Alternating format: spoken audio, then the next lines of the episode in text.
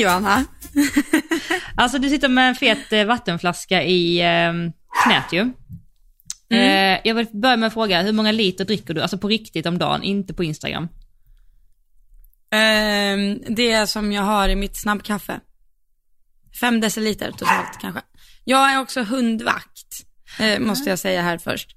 Så jag ska bara ta ett ben här. Okej. In- Okej, om någon skäller då får ingen ha benet. Då är det liksom kollektiv bestraffning. Så. Men, men vadå, du går ju runt med en jättestor vattenflaska som är fylld. Då måste du väl dricka Ja mer än fem deciliter? det gjorde jag för Instagram. Ja, det gjorde det. behöver- Nej. Nej, men när jag har, eh, när jag har, mi, mitt veckoschema ser ut så att jag måndag, tisdag, onsdag har sovmorgon och torsdag, fredag släpper ut hästarna. Mm. Så, och då när jag har lite tid på morgonen så försöker jag vara så här clean girl och typ dricka vatten Mm. och så här städa lite, ja, sånt. Mm. De går hand i hand, dricka vatten och städa. De är liksom, Ja, jo, det är det. inte det Ja, ena är utan det andra. Nej, nej. Är man en person som städar, då dricker man ju också mycket vatten. Okej, kanon. Ja, Hur mycket vatten dricker du? jag dricker alltså otroligt mycket för lite. För att jag dricker ett glas, ibland två glas, stora glas, alltså då är de en halv liter i och för sig på morgonen. Men sen Mm. dricker jag bara till maten, alltså så. Så att jag behöver bli bättre. Det är därför när jag såg din flaska så blir jag inspirerad och så undrar jag verkligen så på riktigt, hur mycket dricker du? Och då är min följdfråga så här, behöver du inte gå på toa hela tiden? För hade det inte varit det, det är det som stör mig, att jag hela tiden måste gå på toaletten. Så hade jag kunnat dricka hur mycket som helst. Och alltså jag kan ju gå på toa tre gånger på en dag. Om du dricker så mycket vatten. Nej, men alltså, nej men alltså Johanna, jag städade i morse och då hittade jag den här. Ja.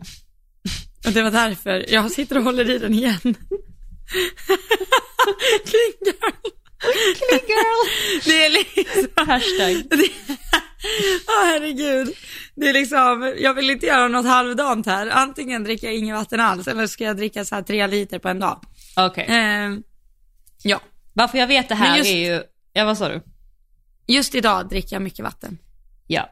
Det råkar ju vara så att du har varit lite aktiv på storyn idag och då ser det ut, då ser det bra ut att vara clean girl, så att säga. Nej jag skojar. Nej men. Alvar, du har uppdaterat som tusan idag. Jag vill eh, faktiskt eh, credda dig för det. Gud vad kul det är när du gör det. Alltså verkligen. Men sam, ja, alltså jag tycker också det är jättekul. Men samtidigt då när jag, eh, när jag, alltså det jag vill lägga ut, det är ju då jag får stressigt och inte hinner. Som typ så här, jag ska hoppa upp på den här hästen nu eller jag ska rida den eller den här kommer och tränar. Mm. Eh, Då uppdaterar jag ju inte utan det blir ju liksom eh, typ när jag käkar lunch och sådär. Och då blir det ändå inte så här jätteintressanta grejer tänker jag. Eller? Eller är det Alltså, intressant ändå? Du håller ju lådan då fast du bara sitter och äter lunch. Det är det. Alltså, Okej. du, nej men det är kul också för att man får en liten vardagscheck och att det är kul att se var sitter du och äter lunch, hur ser det ut då? Vad äter du? Mm. Aha, du har hämtat ett paket till stallet, jaha. Och sen vad har du fått i paketet? Alltså det tycker jag är väldigt roligt. Det behöver inte vara så pretentiöst utan det kan vara helt Nej, vardagligt. nej det är sant. Ja. Och det gjorde du bra faktiskt. Så det eh, kan du fortsätta göra. Vad bra. Har inte folk Ja, tyckt om jag... det? Eh, de har inte sagt så jättemycket. Nej. Men jo, jag hade tänkt eh, fortsätta imorgon. Det stämmer. Det stämmer. Men nu tappade jag det lite här också på eftermiddagen för att det blev lite stressigt. Men det Men är... alltså jag älskar, men du gjorde en ny grej på din story. Du gjorde voiceover. Ja, just det.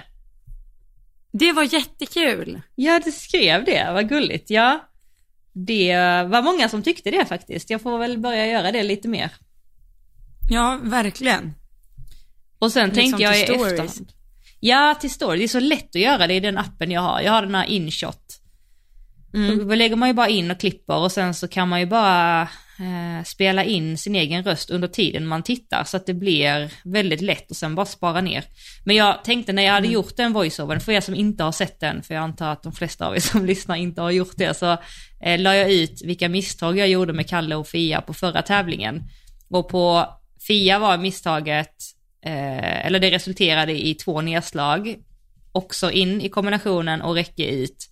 Och eh, då ser man på filmen att jag redan i svängen, för att den här kombinationen stod diagonalt på diagonalen, kort, ganska kort ur sväng, vad kan det vara, typ tre galoppsprång från svängen. Så, Ja. så redan på kortsidan så föll hon in och sen så började jag dra i yttertygen och ställa, ställa henne utåt istället för att liksom ha henne för innerskänken och, och föra henne utåt och så behålla henne, liksom hennes ställning. Och där tappar jag liksom innerbogen och sen så blir det ju då att jag eh, inte kan hålla ut avsprångspunkten, jag kommer närmare hindret och så kommer jag för nära med vikten på bogarna så att jag kör en kabam på A och B. Och sen andra misstaget var med Kalle och då, ja men det var det jag pratade om förra veckan eller förrförra, att jag red åtta och ett halvt, eller sju och ett halvt galoppsprång tror jag. Mm. Så jag la ut det och sen så bara berättar jag lite vad som hände. Och det, jag inser det, för det var många som skrev det, varför de tyckte det var kul med voiceover, är för att ibland så ser man ju inte helt vad som händer. När någon gör Nej. ett misstag. Men när någon sätter ord på det, bara ah, det börjar redan där, det börjar redan i svängen, så bara ah, nu kan jag se hela händelseförloppet. Och det är faktiskt väldigt utbildande att se andra. Ja, verkligen. Mm. Verkligen. Du kanske också ska börja Ja. göra det. Du om någon tror jag hade gjort det jättebra. Ja. Det, ja, det hade varit kul. Jag vet att jag har gjort det någon gång till YouTube för så här eh, fem år sedan typ. Mm. Har jag faktiskt. Det var uppskattat där. Mm. Men På- ja, Jag, Vad sa du? Nej men var det på en tävlingsrunda du la upp då eller var det Ja. hemma? Mm. Nej tävling. Och det får jag ju gå in och titta på. Har du, hur många YouTube-videos ligger det på din kanal? Inte många, säkert tre. Utspritt på typ tre år också eller? Eh, ja, jag brukar lägga ut en vartannat år. Okej, när är det Eh, dags igen då? Eh, ja, det var ju förra året för att hålla vartannat. Nej, men, nej, men, eh, nej, men ja, det är dags igen. Men en annan sak, alltså väldigt kul. Ja, det här är lite roligt. Jag la ut samma video på Instagram och på TikTok. Och den på Instagram la jag ut dagen innan. Så den la jag ut för två dagar sedan. Och den tror jag har typ 9000 likes nu. Det är bra. Och sen la jag ut samma video på TikTok igår kväll. Och så kollade jag den videon i morse. Då har den 20 000 likes. Det är så mycket enklare att gå viralt på TikTok. Mm. Det är verkligen det. Är det för att fler sitter och scrollar TikTok än Instagram?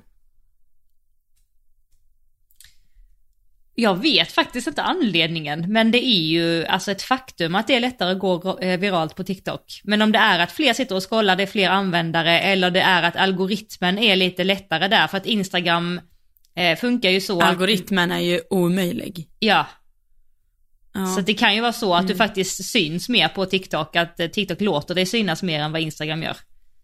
Så kan det Ja. vara. Eh, Det är orättvist, jag hör dig. Va- jag hör dig. Var det olika eh, kommentarer på videorna? Jag vet inte vilken video, var det Sartoga-videon eller? Ja, precis. Ah, var det olika kommentarer? Jo men så är det ju, alltså jag, TikTok så bara taggar folk varann Jaha. Oftast, Mm. tror jag. Ja. Instagram är man lite liksom mer insatt. Mm. Ja. Men eh, eh, we, we leave it. Nej, det kan vi inte alls göra. För jag har sett en sak på TikTok. Okej. Just det, åh nej. Men det Åh. var... Mm. Nej men jag har en hypotes. Mm. eh, om att eh, den svenska versionen tycker jag är att alla människor, deras ansiktsform är antingen mer likt en groda eller mer likt en råtta. Mm. Får jag bara Och fråga, har du den- kommit på det här själv eller är det någon annan som har gjort den jämförelsen? Nej, det, jag har sett det på TikTok. Okej, oh, fortsätt. Mm. Mm. Och den amerikanska eh, versionen är att ansiktsformen säger att du heter antingen Boba eller Kiki. Mm. Och då känns ju Kiki mer som en råtta och Boba mer som en groda. Eller hur? Mm. Så långt är det med mig. Mm. Eh, Och då satt jag idag på lunchen med eh, vi som jobbade idag och sen skulle jag liksom försöka namedroppa lite och se om de var med mig. Mm. Och då sa jag så här, Johanna är ju en typisk groda. och då höll de med. Okej, det låter fel att säga groda för att det låter elakt. Du är en boba. Jag är en boba, okej. Du är en boba. Och jag tycker att jag också är en boba. Du är också en boba. Eh, men då sa Ida att när jag har typ så här sminka mig, att jag är råtta då. Jag bara, tack, tack. Hon bara, ja men då har du lite kontor. Och så. Hon bara, nej men då är du en råtta, annars så är du en eh, padda. Nej jag skojar, nej men. Eh, nej men jag tycker också att jag är en boba. Jag tycker också att du är en boba, men jag kan verkligen förstå hennes, eh, alltså att du är mer råttig när du är välsminkad. Men då måste vi hitta en råtta. Karl Hedin är en råtta. Jag kollar det Det låter fel. Han, han skulle heta Kiki. Ja. Men alltså du får du förklara för våra lyssnare för att det här, den här genomgången fick jag ju av dig innan vi började podda och jag var ju som ett frågetecken, jag fattar ju inte först. Och du, det handlar Nej, jag- egentligen... Mm, Det handlar egentligen om dragen i ansiktet. Om de är runda eller vassa liksom. mm, Eller ansiktsformen, om den är rund eller om den är eh, vass. Eller vad man ska säga. mm, Och jag har ju väldigt runt ansikte, jag har liksom kort haka. mm, Eh, vem ska jag ta? Ida som jag jobbar med, hon har, hon har längre ansikte än mig. mm, Så hon blir mer som en råtta tycker jag. mm, precis. Ja, ja, hon är en exakt. kiki. Mm. Ja men Eh, okej. Så det är liksom, Mm. det är liksom det det handlar om. Och vad man dras till då, det är det som är hela grejen. Vem... Jo, det är det som är hela grejen, vad man liksom attraheras till. Ja. Och jag skulle säga att jag, alltså om jag skulle attrahera, att, attrahera mig, vad fan heter det? Jag attraheras av Bobas, Ja. skulle jag säga. Mm. Tror jag. Eller? Gör jag det? Nej, I'll go for personality. ja, just det. Ehm. Ja, men vad om, skulle du säga att Andreas är, han Boba eller Kiki? ah, han är boba. Han är Boba. Han är boba Ja, ja. kolla, du fattar ju mig helt också. ja. Men vadå, ska Ja. man attraheras till samma ansiktsform som man själv har eller det har ingen Nej, koppling? det tror jag inte, Nej. utan, eller det kanske har koppling. Jag vet inte. Nej, ingen aning. Men, Fast jag tycker att jag har något ex som är Kiki också. Så, ja, jag vet inte. ja, exakt. Men som du sa, Peder är Kiki.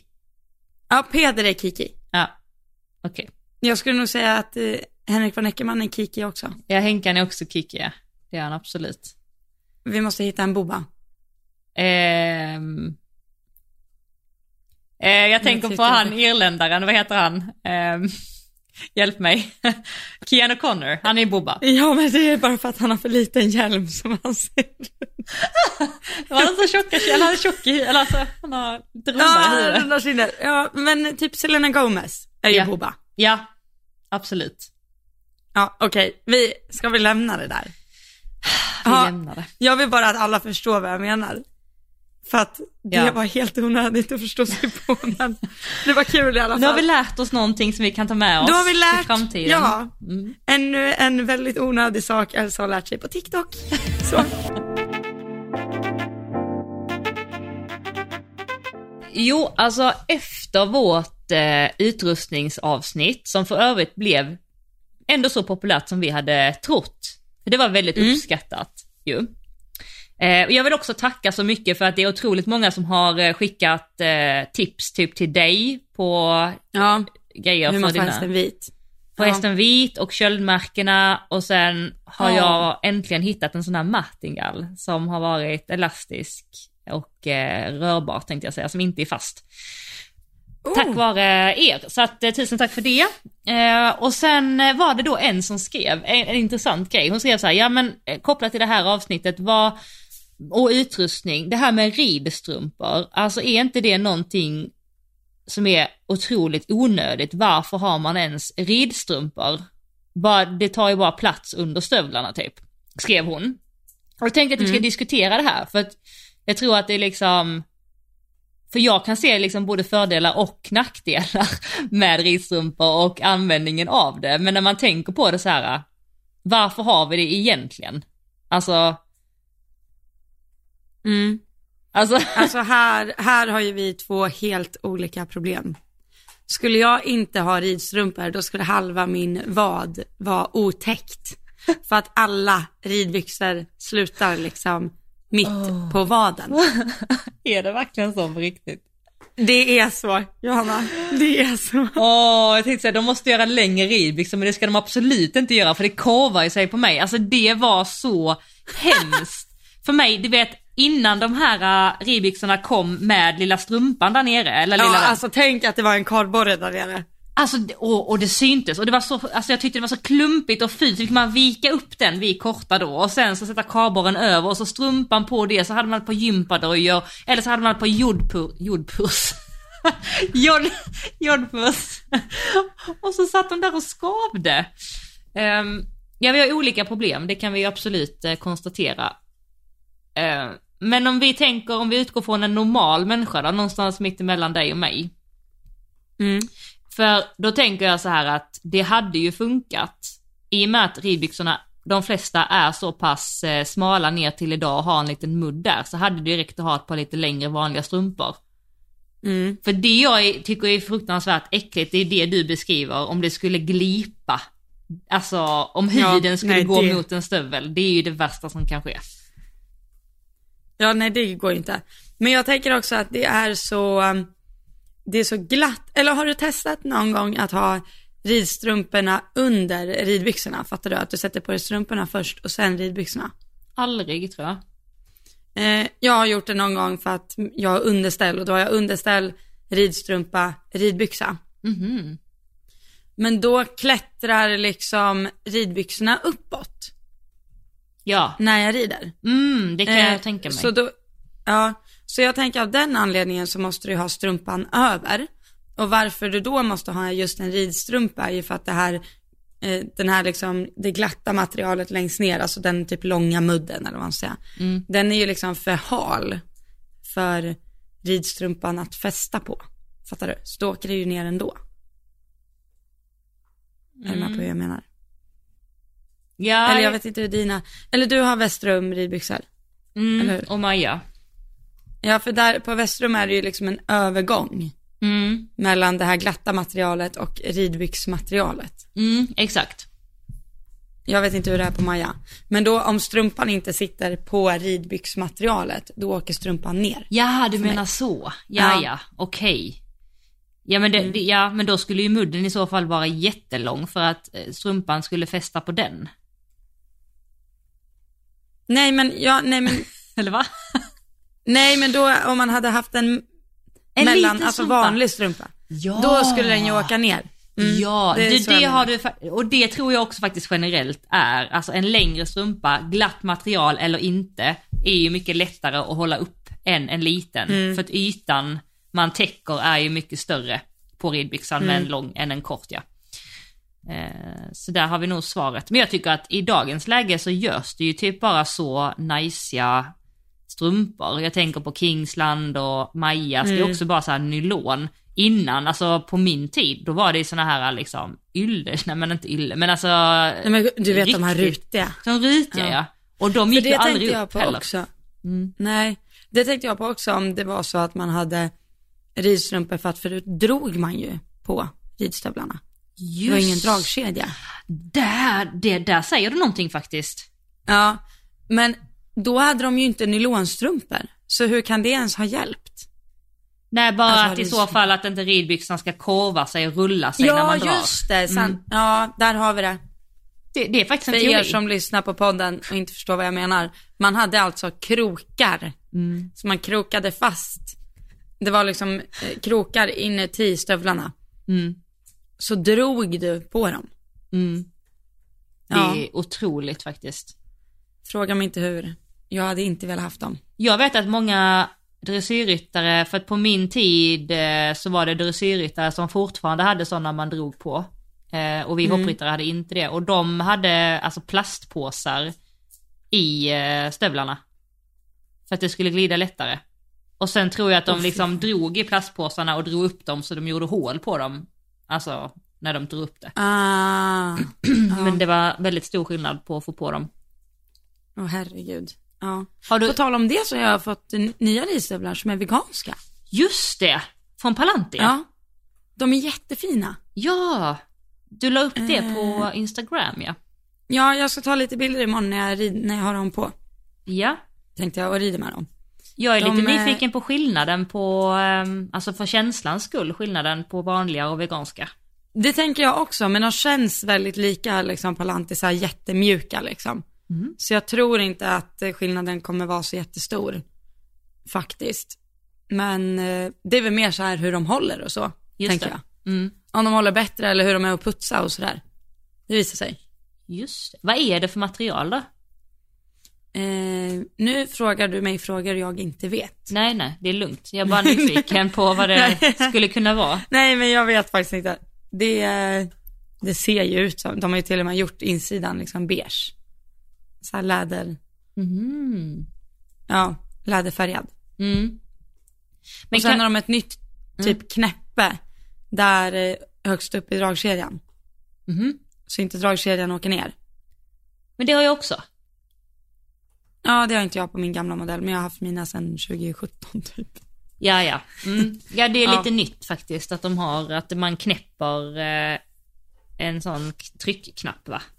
En Extra. tryckknapp i knappen liksom. Ja. Ja. Mm. Jag använder typ aldrig det. Behöver du det? Eh, alltså nu hade jag behövt det på mina gamla typ för att jag har så mycket kläder liksom så jag får inte upp dem helt, hela vägen liksom. Mm. Och då om man, jag upplever att får man inte upp den liksom precis hela vägen då glider den ner ändå. Mm, precis.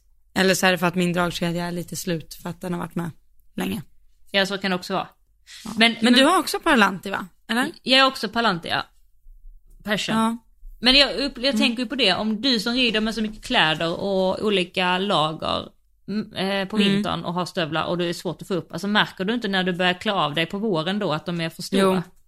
Jo. Jo, precis. Och det är därför jag inte har använt de här nya än.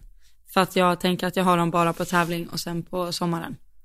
Mm. För att jag ska ju liksom ha två lager mindre, typ. Mm. För att nu har jag ju tjocka strumpor och eh, underställ. Ja, nej, det Ja. går ju inte. Men det kanske är i och för sig bra när man ska rida in dem, för jag tycker att det är det värsta som finns att få nya stövlar. Det är Men så... de är ju så mjuka Johanna. Alltså jag, Palanti är ju liksom strumpor. alltså jag ska säga så här att jag avgudar Palanti och det är ett av de absolut skönaste märkena, det är därför jag har dem. Men det är ändå ett helsike när man ska gå in då. Eller för mig var det det i alla fall. Okej. Jag har haft Deniro förut. Det var, oj oj oj. Ah, Det var en annan värld. Det gjorde ont. Det är Niro ja. Ja, Tänk- tänk-. Tänk att rida in, eh, tänk att det är säkert många av er lyssnare som gör det, men tänk att rida in dressyrstövlar. Nej men man rider inte in dem, de är stuprör för all evighet. Jag har ridit i sådana. Du har det? Jag gjorde ju det förra vintern. Gud, jag har bilder på det. Jag satte på mig Idas tävlingsstövlar. Och jag har alltså en dess längre ben än Ida. Och de gick typ över mina knän. Va? Ja, alltså. Och du vet sådana här svarta, superglansiga så här. Mm, ja, nej alltså det gick inte. Det går liksom inte att ha stöd i stigbygeln. Nej. Nej. Det är därför Nej, kanske dressyrryttarna oftast överallt. inte trampar ner hälen. Märker du att många dressyrryttare sitter och glappar Nej med men, hälen? eller, ja men alltså stigbyglarna bara hänger och dinglar. Mm. Det kanske är för att de, de, de, de kan skylla på stövlarna då.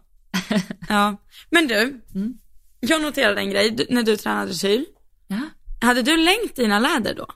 Nej, du, skrev det. Nej, det hade jag inte. Men... ehm, Nej, det var det jag tänkte. Du länger inte läderna när du trimmar. Nej men jag, nej jag gör ju inte det. Det tror jag vi pratade om i podden någon gång. Men jag ska göra det? det? För då sa jag jag ska göra det och så gjorde jag det någon gång och sen har jag inte gjort det. Så att när du skrev det så var det en bra påminnelse. För jag tänkte det, för det var ju precis det du pratade, för du gjorde voiceover på det också. Gjorde du det? nej, du gjorde inte voiceover, du la bara ut med ljud. Ja, Gjorde det. ja. Och då tänkte jag på det att du måste ju ha enklare att komma runt dem om du kan liksom ta ner läderna två hål. Det är För det korrekt. syntes ju verkligen att det var hopp, hoppläder liksom. Mm. Bra input. För det, för jag gjorde aldrig det förut heller, att jag längde. Men när jag, sen jag var i USA, då var de jättepå om det, att du måste alltid länga två läder i dressyren mot när du hoppar. Så nu har jag typ börjat göra det, när jag trimmar så länger jag ner dem. Då sitter man på the asshole. Då sitter man på assholet. Ja, Ja. Ja men det, det är skitbra, jag ska eh, absolut göra det. och sen en annan sak som, eh, som Ida har sagt till mig som är dressyrryttare, det är att man ska ta stöten i vaden. Förstår du vad jag menar då? Ja. Eh, att om du galopperar så gungar ju rumpan så här. Mm. Och då vill ju jag ta stöten i stigbyglarna. Ja men i, i den vinkeln, vad heter den? I eh, fotleden. anken. Ja precis. Anken. Ja, där vill ju jag ta stöten i galoppen. Men länger man läderna eh, och du sitter ner i galoppen liksom, då ska du ta stöten i vaden. Så det kommer om hästen. Så du sitter med underskänken om. Mm, dressyrgrej. Jag sitter och visualiserar känslan här för mig själv.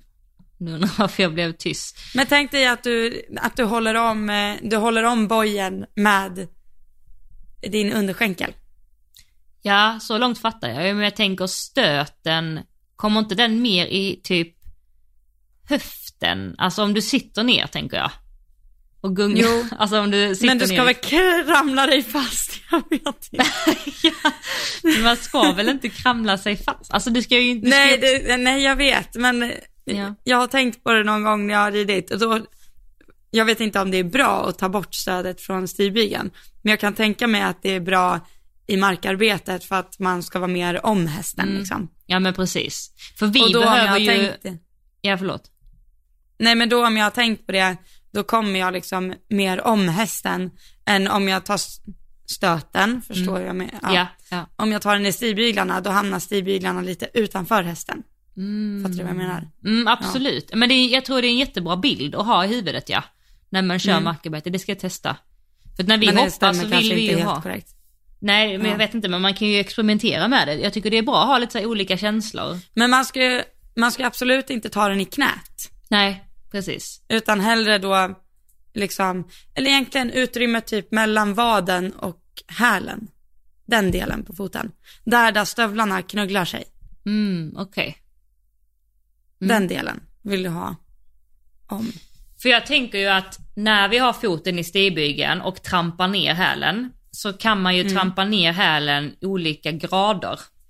Och det är Ja. den olika graden som bestämmer lite hur mycket eh, tryck man tar. Alltså jag menar att man använder hälen som en, vad heter på svenska, tjock absorb, ab, absorb, ab, ab, En, eh, en, stötdämpning. Ja, Stötdämp- ja, precis. att det är en stötdämpning ju. Hej Harris. Eller det var inte Ja, Harris. jag kände det också. Jo, det var det. Jag bara move it. Ehm, förstår du vad jag menar? Att, att, att Mm, där, mm. den använder vi som stötdämpare ju. Eller? Ja, Mm. jo det gör vi. Ja, man gungar ju med sådär. Ja, alltså det såg jag också någonstans, att Peder typ så byter stigläder innan tävling för att han vill ha svikten i dem, Mhm. när de är nya. Att det är mer svikt i nya stigläder än eh, gamla liksom. Mhm. Och det var också jättenoga när jag var i USA, då hade vi ju alla, nej men tyst, gud du skräms ju. Då hade vi alla egna stigläder.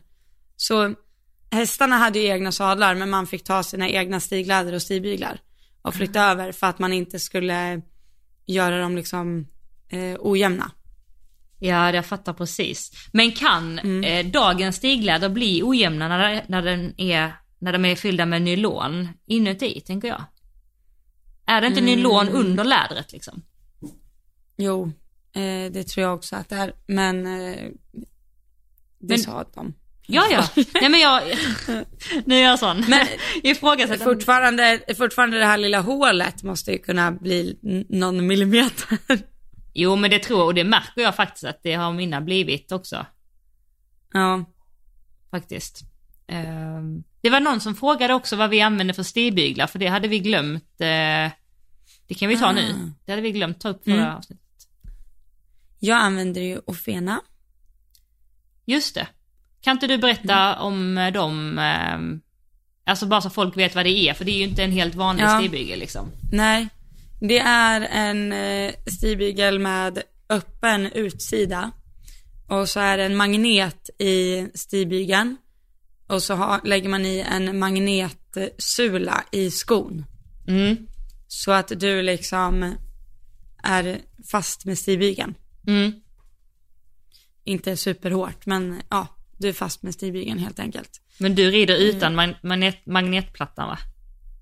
Ja, det gör jag. Jag rider utan, men på sommaren brukar jag med. Men på vintern så tycker jag det blir lite kallt att ha den här magneten i skon. Så då rider jag utan. Mm, fattar. Men sen har du väl också, var det inte, finns det inte både med typ grip och utan grip? Jo, jo det gör det. Det finns med utan grip och så finns det en dressyrmodell och en hoppmodell. För man får inte rida med magnet i dressyr. Ah. Eh, Så dressyrmodellen har grip, eh, bred platta och sen är det en liten gummigrej på utsidan som lossnar väldigt enkelt. Alltså mycket enklare än vanliga säkerhetsstigbyglar. Som är liksom helt mjuk och sladdrig typ. Mm. Eh, ja, Mm. Okej. så, och jag har testat dem, de funkar. De funkar.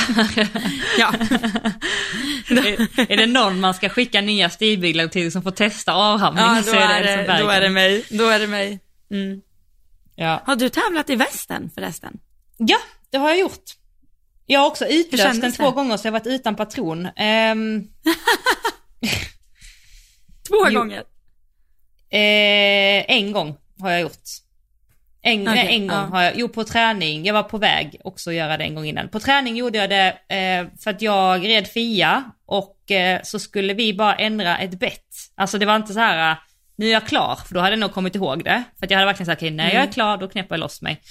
Men så var det bara så här, okej hoppa av snabbt så byter vi träns. Så här. Och då bara hoppar jag av och då small det ju. Och eh, det är många som... blivit jätterädd. Ja, det är många som har frågat mig faktiskt om de hästarna blir rädda, eller min häst blir rädd. Fia blev väldigt rädd faktiskt. Eh, och det jag, eh, nu är de ju säkert olika, hon är ju väldigt känslig för ljud. Alltså när Mm. någonting eh, låter så är hennes första reaktion alltid att hoppa upp i luften och sparka bakut. Alltså när det kommer till allt. Ehm, så det är hennes sätt liksom. Så det hon gjorde var att hon hoppade upp och hon, alltså det här såg ju Linnea, för jag såg ju inte det själv för man är ju uppe i det, men då hade hon ju sparkat och varit väldigt nära mig. Och då tänker jag ju så här att det kan ju också vara en säkerhetsrisk. Om det smäller, hästen blir rädd och kickar liksom av ren, ja, flyktinstinkt liksom. Ja, Eh, verkligen. Men sen hon sprang ju inte iväg, hon sprang ju iväg typ så några meter, sen stod hon ju still och var mer bara så här. Alltså så, men sen lugnade hon ju sig väldigt snabbt. Så det var ju inget som, eller som heller, det satte ju inte sig heller när jag skulle hoppa av nästa gång eller så. Nej, precis. Det tänkte jag på om det var så att hon blev rädd till gången efter. Mm. Men jag, jag, jag, jag, jag, jag är faktiskt inte rädd för att det ska smälla faktiskt så. Eh, men det tar Alltså lite om du ramlar av. Ja. Nej, om jag inte ramlar av, alltså att den ska smälla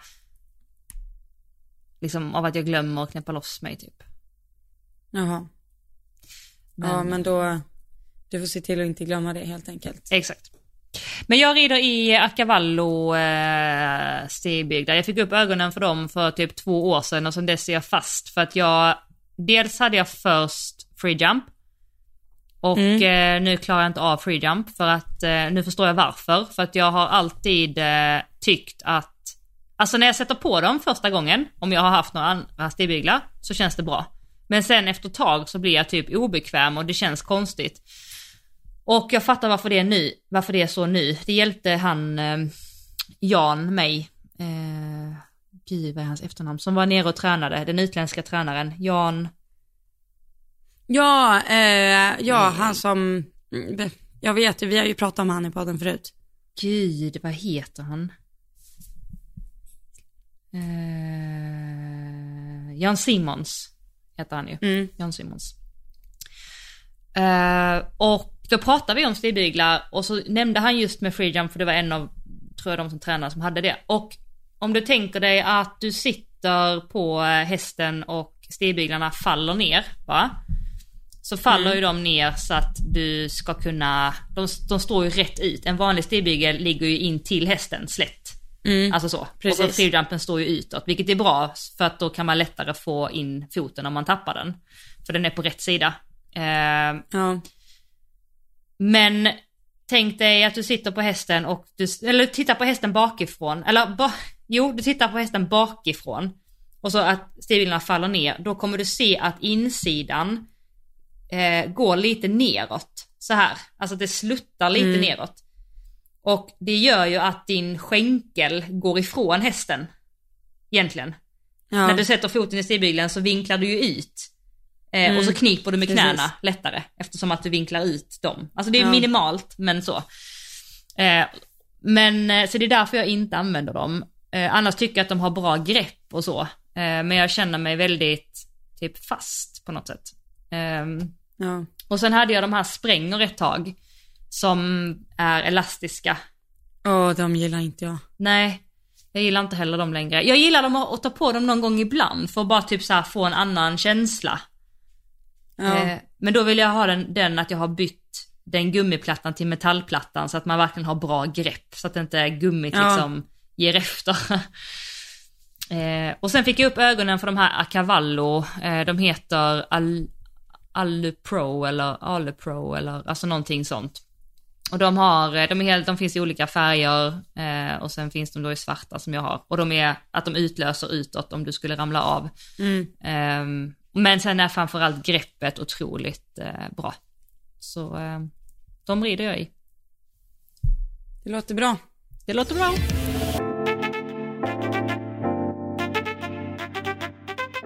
Men eh, du, jag, eh, jag såg ju att Linnea har ridit Cassie.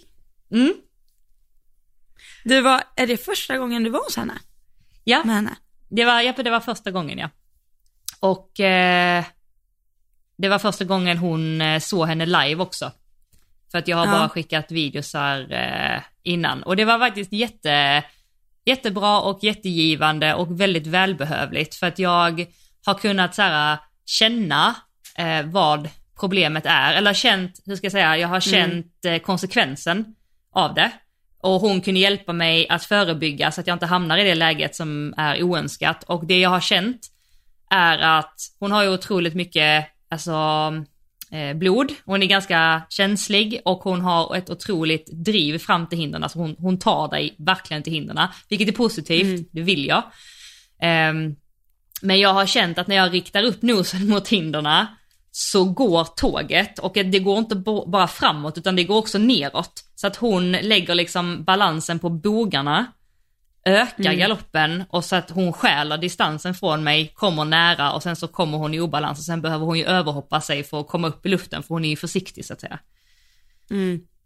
Eh, och då hjälpte hon mig bara så här sätta ord på att det är det som händer, att när jag vänder upp så går balansen neråt och neråt och neråt, vilket gör att hon går snabbare och snabbare och vad du behöver göra är liksom verkligen lite som med Fia, typ så här se till att hon först driver såklart, men sen att du behöver liksom lyfta upp henne, du behöver stämma av lite så att du, hon liksom, du tippar henne lite granna. Eh, och hjälper henne med balansen och det kanske innebär första sprången att du får kanske vara lite tuffare, du får komma på ett extra språng ehm, som inte du annars hade velat göra, rida ett extra språng, kanske komma med lite mer i handen, kanske hänga lite mer över de första sprången. Och när jag Ja. gör det så hjälper jag henne liksom sätta eh, sig i balans. Och när vi gjorde det så, hon är otroligt lättlärd, eh, så, var, så lärde hon sig det ganska så snabbt. Mm. Eh, så det gjorde vi. Kände, du, Mm. kände, du någon, kände, kände du någon skillnad när du hoppade upp efter?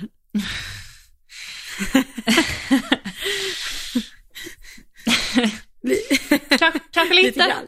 lite grann, så, smått. jag vet att vi pratade om det här förut. Och jag sa, och jag bara, alltså det blir ju enorm skillnad efter att Linnea har ridit. Och du bara, men alltså jag vet inte, jag kände inte så mycket så här första gångerna du var där och tränade. Men nu, kan jag, ja, men nu kan jag nog fatta när du har varit iväg med en häst som du inte har ridit så länge liksom. Eller Ja. fattar du? Mm. Eller Ja. du har ju haft henne länge och det är verkligen i ett problem. Eller fattar du vad jag menar? Ja, precis. Eller problem, jag menar inte att det var ett problem så, Men, jo, men det är det ju, alltså så, på ett sätt. ja. Mm. Jo, men, men jag ska nog ändra, jag ska ta tillbaka med det jag har sagt då, för att sista tiden, jag vet inte när vi pratade om det här, men sista tiden Så, eh, för Linnea rider ju alltid mina hästar när jag kommer till träningen. Alltså oavsett hur det har gått eller hur de är så sitter hon ju upp direkt, alltid, varje vecka. Eh, och varenda gång hon sitter upp så märker jag ju väldigt stor skillnad. Eh, numera. Faktiskt. Ja. För att hästarna går helt plötsligt av sig själva, de känns helt plötsligt väldigt raka och de känns helt plötsligt väldigt mycket uppförsbacke. Ja, herregud. Ja. Mm. Jo, det är, det är, tänk när man kan rida så eh, sex dagar i veckan. Exakt, liksom. tänk vad snabbare, mycket snabbare allting går. Hade gått. Ja, det, ja, det hade underlättat en del. Ja. Men jag är, alltså, jag, på, alltså jag påminner alltid mig själv när jag rider hästarna att så här, nu ska jag se ut som Linnea. Jag ja. ska rida som Linnea. Alltid. Mm. Det syns. Ja, och nu, jag vet inte hur mycket Linnea lyssnar på podden, men eh, när jag var i, också när jag var, nu blir det så här riktig hylla Linnea inlägg här. Nej men jag Vi har ju aldrig i... gjort det innan så vi kan ju göra det nu. Nej gud nej, aldrig, det händer inte. Det... nej men när jag var i USA och eh, så var det också några utländska som var och provade en häst hos mig. Eh, och då pratade vi om vem jag, alltså det är säkert fem stycken oberoende eh, personer, ja, alltså inom hästvärlden. Alla utom en har någon sorts koppling till hästar i alltså topp, jag snackar VM, OS, 1,60. Alltså har antingen varit tränare till eller har ridit själv, alla utom en. Mm. Eh, men i alla fall, av de här har sagt att när jag nämner Linnea och att jag har tränat för henne, då säger de that's a top rider. One Nej. of the best in the world. Jo. Va? Ja, det är eh, eller jag, jag ser chockad ut, jag är inte så chockad men det var väldigt Nej, kul. Jag är inte heller chockad men eh, det är, eh, det är, alltså, det har alla sagt och alla är oberoende och det har varit amerikaner, tysk, svensk, alltså blandat. Mm. inte det lite sjukt? Jo, det är väldigt, eh, eller det är väldigt trevligt och väldigt kul att höra. Och det är ja. ju verkligen så. Det och det är kul att, kul att man ändå får chans att lära från en sån person. Ja, gud ja. Det, det ja, nu var det länge sedan jag var där, men Ja men jag tycker att du ska ta ditt pick och pack och komma ner här någon vecka eller så i sommar faktiskt. Ja, alltså jag har ju lite färre hästar nu så det mm. hade faktiskt gått. Packa mm. lastbilen och transporten och kom ner liksom. Med tre hästar. Ja. Det, det borde jag göra. Jag groomar. Det borde jag verkligen, verkligen göra. Du groomar. För du har så lite andra saker att göra. Alltså när du kommer har jag ingenting att göra. Nej, det... Ska jag se till. Uh, när jag sitter också och reflekterar över, uh, för att jag uh, filmar, film, får alltid hjälp att filma, vilket jag är tacksam över när jag tränar och sådär. Och de, och jag reflekterar också över det här när jag satt och red och tränade. Att de gångerna Linnea berömmer mig och ger mig liksom så extra, det är där det känns som att jag rider som en galning. Alltså, det vill säga jag landar och bara väntar på att hon ska säga så här: avbryt, fan vad dåligt, ut från mitt ridhus. Och då bara, bra! Jag bara... Men grejen är, det här, det här är nog en sak jag säger till varenda person som kommer och tränar hos mig, mm. som Linnea, jag vet inte om hon formulerade sig så här, men jag tänkte att det var så här. Och det här har följt mig i typ all träning. Att du vill rida hästen på bakhjulet. Tänk dig hästen som en motorcykel. Mm. Eh, och rider du den på bakhjulet, då är ju framdelen helt lös. Mm. Förstår du hur jag menar då? Mm, yeah. Så blir en tygel tung, eller hästen tung fram till, då, eh, alltså då, då rider du ju inte på bakhjulet. Nej. För det precis. första. Mm. Eh, och nästa sak är då att det här blir ju osammanhängande för hästen kan ju dra ner huvudet på ett sätt som att så uh, den blir tung fram. Lite så som Fia och Badou är. Mm. Eh, men sen finns det ju också hästar som tappar balansen och då drar upp nacken. Mm, absolut. Som, Sarat som Saratoga till Kalle exempel. också. ja, Kalle också det. Ja. ja. Eh, att när han tappar balansen så drar han upp huvudet. Mm. Eh, och det som jag alltid är lärd innan, eh, Linnea sa det här till mig, var att, eh, jag säger inte att Linnea har sagt det här, utan att andra har sagt det här, att om hästen lyfter huvudet så måste du få ner nacken för att få den i form. Liksom. Eh, och det här är det mest revolutionerande eh, Linnea har lärt mig och som har gjort att, liksom, att saker och ting har gått mycket bättre. Det är att så fort hästen lyfter huvudet så måste jag lyfta handen. Mm. Jag måste alltid följa hästen upp. Jag måste följa kontakten vart den än går. Ja, exakt. Mm. Eh, går den uppåt eller neråt eller vart den, eller nej neråt vill jag också lyfta handen om det är på ett Badoo Fia sätt neråt. Ja. Men eh, om det är på ett Saratoga Kalle mm, sätt att de tappar bjudningen lite, nacken lyfts, då måste jag följa med med handen uppåt. Ja. Och då tänker jag, då säger jag alltid så här till mina elever, att så fort din häst lyfter nacken, det är den sätt att säga till dig, matte, jag har tappat balansen, hjälp mig. Och drar man ner huvudet då, då sätter du ju hästen ännu mer ur balans. Ja. Då vill du ju fortsätta lyfta hästen till bakhjulet. Mm, just det. Ja. Klokt. Fattar du hur jag menar då? Ja, absolut. Så vad är, om, om du känner på banan att Kalle tappar, eh, eller att du tappar kontakten med han, huvudet lyfts, vad är det första du gör då? Alltså att eh, du tappar kontakten för att nacken blir för hög. Ja. Alltså vad är jag, det första du gör? Eh, jag brukar, jag har ju, jag, det har jag lärt mig ändå tidigare att jag ska gå med hästen när hästen går upp. Så jag brukar lyfta handen och så rider jag framåt Mm, i det. Hade jag gjort. ja, jo men precis. Det är ju det jag gör eh, också nu. Men väldigt många tror jag är, deras första tanke är, gör ett ledande tygeltag så du får kontakt igen. Ja, precis. Men jag tror Ja. att man lär sig så nog. Alltså det är nog så man lär sig, tror jag. För det märker jag också typ nu kanske i dressyren och så, då får jag lära mig lite mer det här att, att, att sänka händerna lite mer. Och att hästen liksom så ska komma ner av att jag sänker handen och kanske leder lite och så.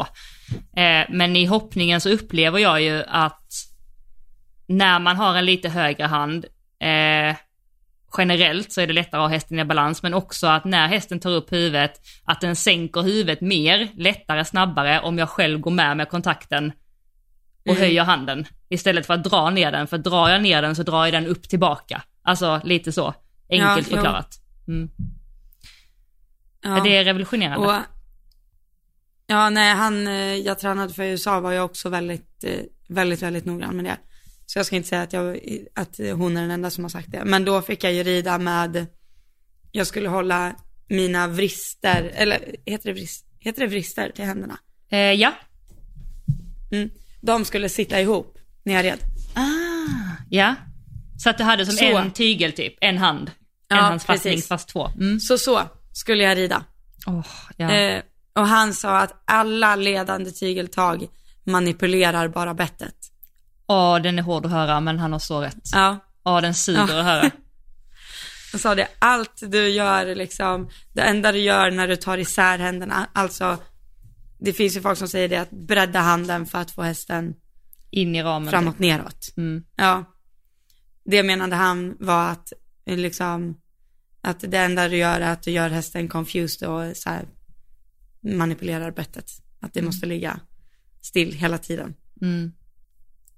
Ja, Jag, jag säger inte att det är rätt, jag säger bara alla, och det här är så svårt också för att alla, alltså man kan ju ta sig till 1,60 hoppning och ingen har gjort lika som någon annan. nej, exakt. Så det finns ju inte någon, alltså det finns ju liksom inte den gyllene regeln. Nej.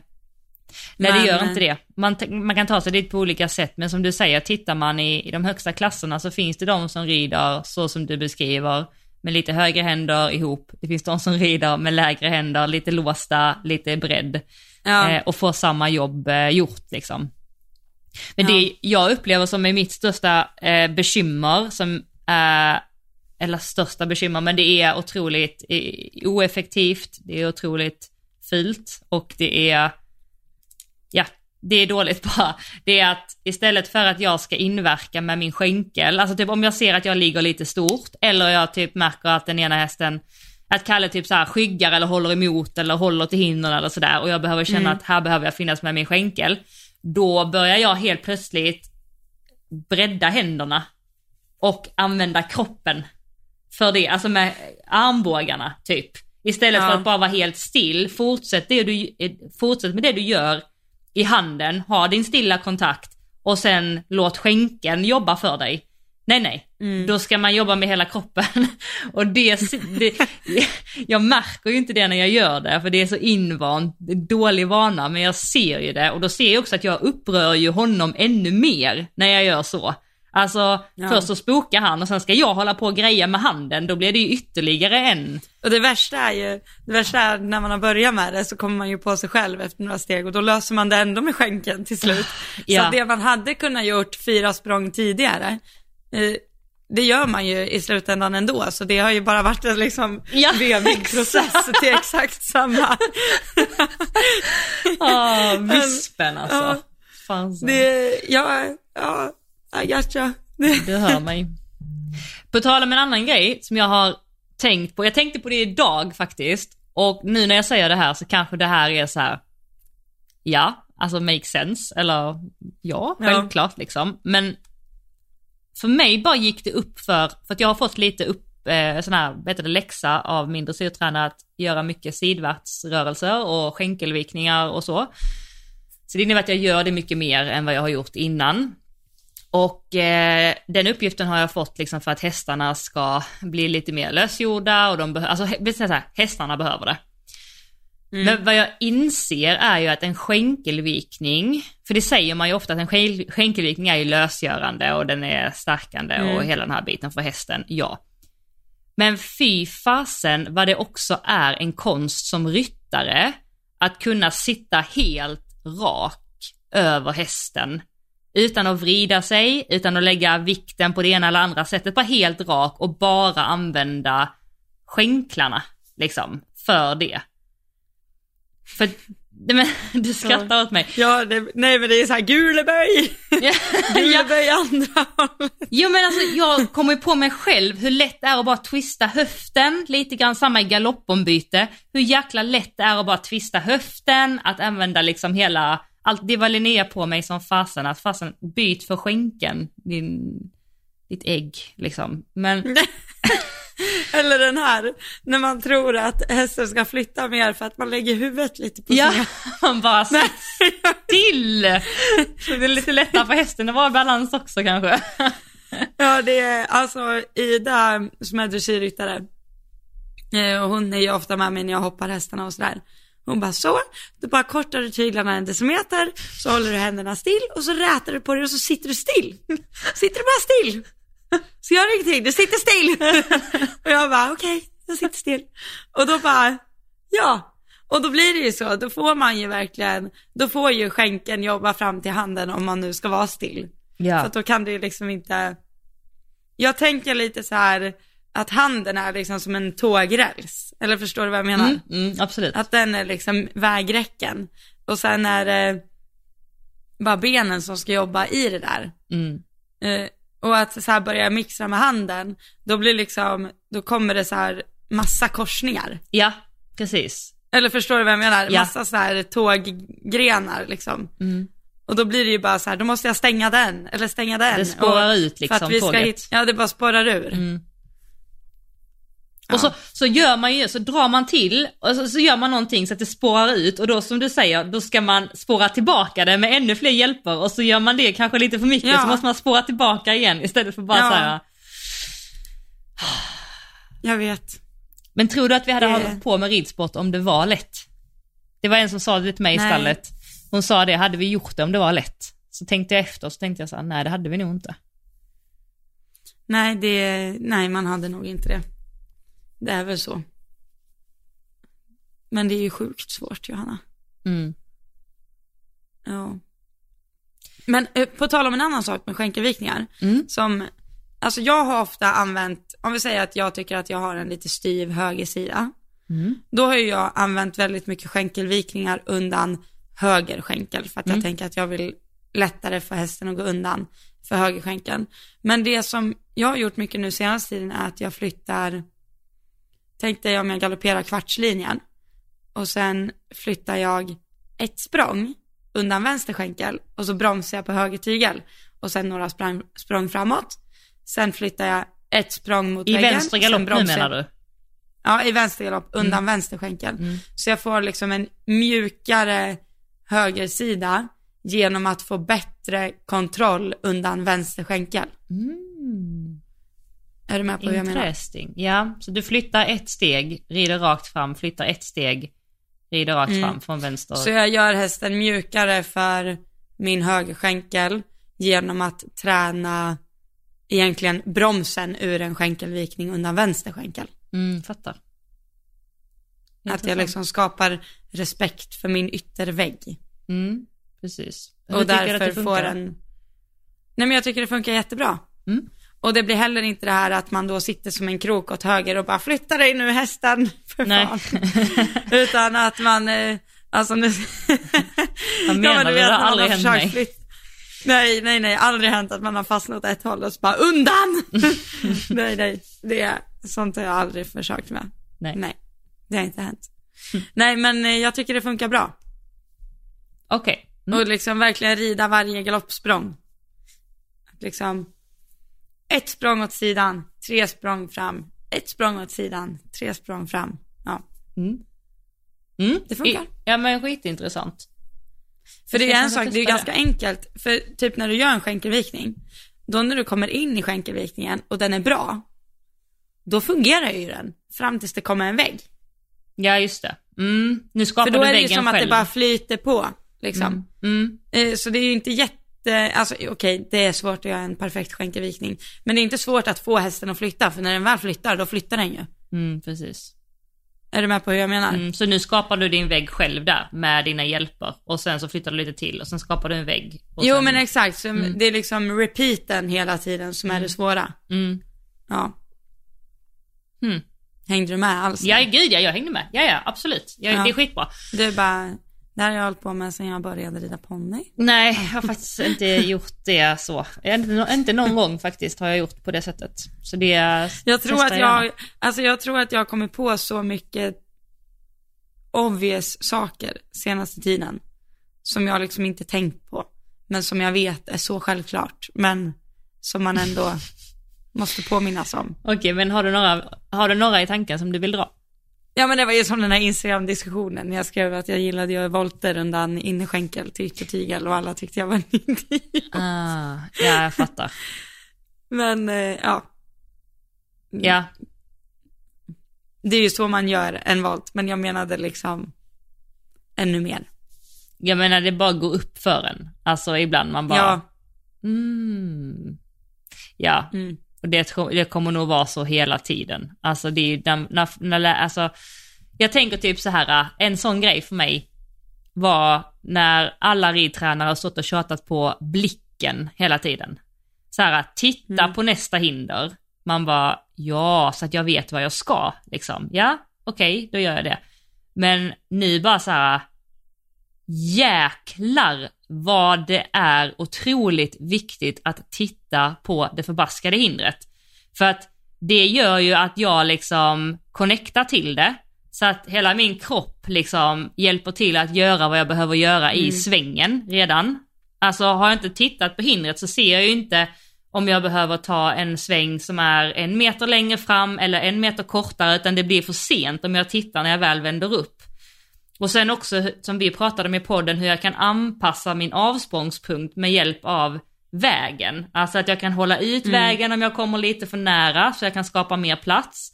Eller om jag kommer Mm. lite, har stor distans, kan jag kapa vägen lite grann. Ko- Har jag inte Mm. kollat på hindret och uppfattat det här redan i svängen så är det ju för sent.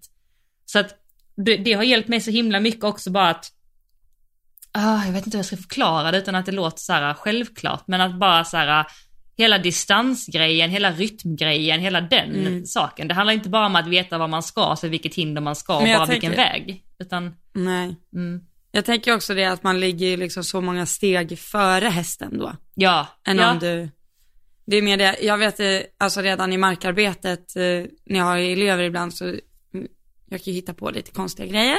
Mm. Att man ska göra knepiga svängar och sånt där. Och att alltid, alltså, det blir sån enorm skillnad när man står på marken också. Och man ber personen titta liksom fem steg framför sig. Som om du ska göra, jag vet att jag hade så här galoppbommar framme Mm. eh, häromdagen i en kombination och så skulle eh, hen göra en volt runt ett hinder i kombinationen men rida innanför de här galoppbommarna som var på 3,5 meter- meter. Och då när man rider in i volten då kollar man ju på den här första bommen när man ska mellan där. Mm. Eh, men då har man ju tappat andra bommen. Mm, just det. Mm. Du måste ju redan ha blicken liksom i slutet på volten, typ, när du rider in på volten. För annars har du, annars så inser du ju bara, oj shit, nej men gud, nu gled jag iväg här. Alltså att alltid, alltid, alltid, liksom ligga steget före. Mm. Ja, Mm, skitbra input. Det är, det är så viktigt. Men jag måste fråga dig. Eh, För att jag, jag vet inte, på ett sätt är det bra. Jag, jag tittar ju typ aldrig ner när jag rider. Alltså det är ju Nej. ett problem som jag vet väldigt många har, där tränaren säger så här, blicken upp, blicken upp, blicken upp. Men jag är liksom, min blick är ju liksom alltid upp. Och det är så att min tränare får liksom så här, titta ner på hästen och se, liksom, kolla också hur ser det ut, eller är den rak? Alltså använd dina ögon liksom. Eh, hur är det för dig, alltså under typ en vanlig trimpass, tittar du mest ner, mest upp eller kan du pendla? Alltså, eller hur, Elsa you got lazy eyes, fick jag höra vad innebär det då? i USA. Att eh, jag är för van att rida själv så jag tittar inte upp när jag sitter och trimmar. Du tittar ner på Vad- hästens man? Det händer att jag tittar på manen, ja, men jag vet inte riktigt vart jag tittar. Jag tror jag har liksom någon mellanläge. Jag liksom överblickar ju inte ridhuset. Eh, och sen håller jag på med någonting eh, som jag vill se om halsen är rak. Då tittar jag ju ner och då fastnar jag nog där ibland. Mm. Och sen har det lite att göra med vilken häst jag rider. Ja, Mm. Och då skulle jag nog säga att en, en mer välriden häst tittar jag mer ner i manen. Och en, en, en buse tittar jag framåt för att då är det så här, dit ska vi! En buse. En bu- Milt, milt. Milt uttryckt. Nej men, eh, nej men jag vet inte. Men, eh, men något jag också så här, eh, en annan eh, grej jag har fått tänka på mycket senaste tiden är liksom att eh, alltid hålla så här mankammen rak. Att liksom först be om ställningen i bålen liksom. Mm. Och sen se om jag behöver ställning i halsen. Och därför har jag nog blivit ännu sämre för att jag har nog kollat mycket i manen senaste tiden för att jag vill se att mankammen är rak liksom. Mm. Alltså den är så himla, alltså jag tror att vi alla går i den fällan hela tiden, att när man ska böja hästen, eller så, för inner, innerskänken eller sådär, så är det så himla lätt att bara tänka att man ska böja halsen. Men det är ju inte halsen, det är ju liksom, eh, vad heter det? Eh, Det är liksom revbenen, bålen. bålen, ja. alltså det är liksom, Nej men jag, Mm. ja, ja men precis. Det är, ja, man vill ju liksom tänka sig kroppen på hästen som ett ägg. Och sen sitter benen liksom, så ska du kunna liksom flytta benen runt ägget. Eller fattar du? Det nej nu fattar jag inte alls med ägget. Vänta nu, från vilket håll? Nej men alltså, nej okej det kanske var jättedåligt förklarat. Men tänk dig, nej jag tar tillbaka. Tänk dig, okej om du tänker hästen som en myra, att den är liksom i tre delar. Ja okej, ja. Eh, så vill du liksom kunna flytta båda yttre delarna inåt liksom. Ja, Och så vill du ha bålen, ja, som att hästen har dragit in i magen på innersidan liksom. Ja precis. Så. Men det kan du ju också, tänker jag, få visuellt om du drar lite i innertygen och ställer hästen inåt Ja, och trycker Jo, jo. in bakdelen med ytterskänken. Då kan du ju få bananen. ja men Alltså- det då, är ju, då är ju inte barnkammen rak. Nej, nej, nej, nej, nej precis. Nej. såklart. Men det är det jag Nej menar. men det är att... därför jag har kollat i manen, för att Mm. jag vill se att jag inte gör så. Ja precis, exakt. Mm. Jo men jag menar att Så- man kan inte bara säga typ, eller för mig själv, man kan inte bara säga så här att hästen ska vara lite böjd som en banan. För att ja, det ska den liksom, eller det kan det ju bli om du ställer, alltså om, om hela hästen är formad, eller så här. Mm. så kommer den ju att bli lite rund för din innerskänkel, men det är för att du har, har böjt bålen, inte för att du har dratt Mm. innertygen. Men du kan ju också få en form av en ballong genom att dra i innertygen och trycka in Ja, ja. bakdelen. Ja, Mm. men då blir det ju en sluta. jo. jo, jag vet, Ja, men jag menar jo, bara jo, att man håller är- isär, exakt. eh, håller isär Ja. det liksom. Jo, jo, jag är exakt, jag är exakt med dig. Men alltså skillnaden, när man känner skillnaden, Ja, det är ju liksom, då, alltså när man får den här bananformen där man känner att hästen använder bålen för att liksom bära sig, då känns det som att manken kommer upp och man liksom svävar på moln i säkert ett halvt steg. Men, innan man tappar det igen. exakt. Men, ja, nej men det är ju en härlig känsla. ja, det. verkligen. Ja, det är det. Och då ska man titta upp också. Eh, Gud, det är många krav. Hemläxa för oss båda. Ja, verkligen.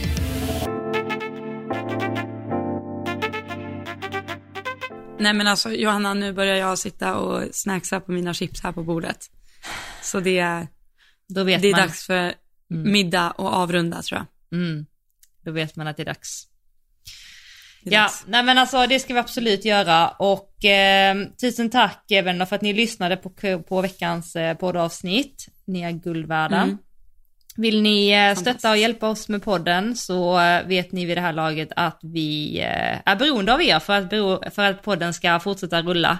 Så vill ni skicka ett litet swish-bidrag på en 10 eller en 20 eller vad vet jag, helt valfritt belopp, så får ni jättegärna göra det. Och då har vi ett swish-nummer som är 1232 981 231 och det står i vår poddbeskrivning och det står på vår podd, vår podd, vår Insta, podd-Insta, Vår podd Insta.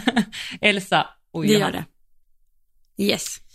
Där har vi det. Där har vi det. Och där kan ni också jättegärna få gå in och följa för där vi tar in mycket av det ni skriver där och vill ni ställa frågor till oss och så så kan ni, kan ni göra det Ja. där helt enkelt. Vi borde bli lite bättre på att uppdatera den också. Det ska vi göra. Ja, det kan vi faktiskt skärpa oss med. Mm. Mm. Ja men tusen Vi tack för eh, idag. Gött snack Elsa.